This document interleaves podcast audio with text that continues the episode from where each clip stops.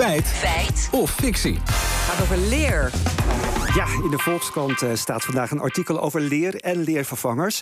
We zien namelijk steeds vaker schoenen en tassen voorbij komen... waarvan wordt geclaimd dat het gaat om vegan leer.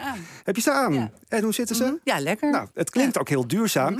Maar volgens de deskundige die de Volkskrant heeft gesproken... valt dat vies tegen, want in het artikel staat... dat echt leer ongekend duurzaam is. Oké, dat ben jij gaan checken. Precies, en we zochten eerst uit hoe het nou zit met die leervervangers. Eh, we spraken met Jan Mahi, lector duurzame textiel aan het Saxion in Enschede. En om maar meteen met de deur in huis te vallen... leervervangers zijn ook niet zaligmakend. Volgens Mahi moeten er voor leervervangers ook fossiele grondstoffen gebruikt worden. Je kan je voorstellen als bijvoorbeeld iets uit schimmeldraden bestaat. Nou ja, schimmeldraden die, die leven bij de gratie van allerlei afvalproducten, maar zijn zelf ook in die zin een product dat heel erg makkelijk eh, ja, kapot gaat en dus zijn, zijn eigenschappen niet eh, houdt.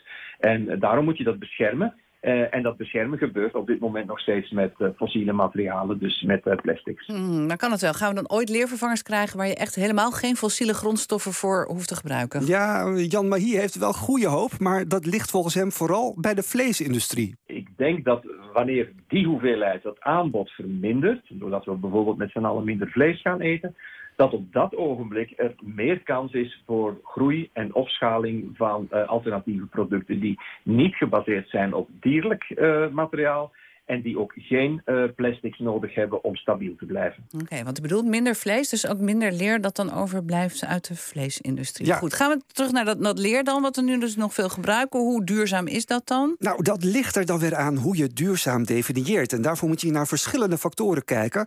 Ik sprak met Paulien Harmsen, onderzoeker duurzame textiel aan de Universiteit van Wageningen. Als je het hebt over duurzaamheid van materialen, dan moet je ten eerste kijken naar de eigenschappen van die materialen. En je moet kijken naar de hele keten, hoe dus een, een materiaal geproduceerd wordt. Maar ook eh, hoe gedraagt het materiaal zich eh, tijdens de, de levensduur, hè, als je het gaat gebruiken. En hoe lang kan je het, eh, kan je het eh, product, het materiaal gebruiken. En Harmsen beoordeelt leer dan als heel duurzaam, vertelt ze. Lijkt mij eh, dat het dan wel eh, duurzaam is. Een goed leren product kan eigenlijk een hele leven lang mee. Maar is het dan ook, zoals we in de Volkskrant lezen, ongekend duurzaam? Ja, daar zegt Mahi het volgende over. Eh, ik zou niet zeggen dat leer ongekend duurzaam is.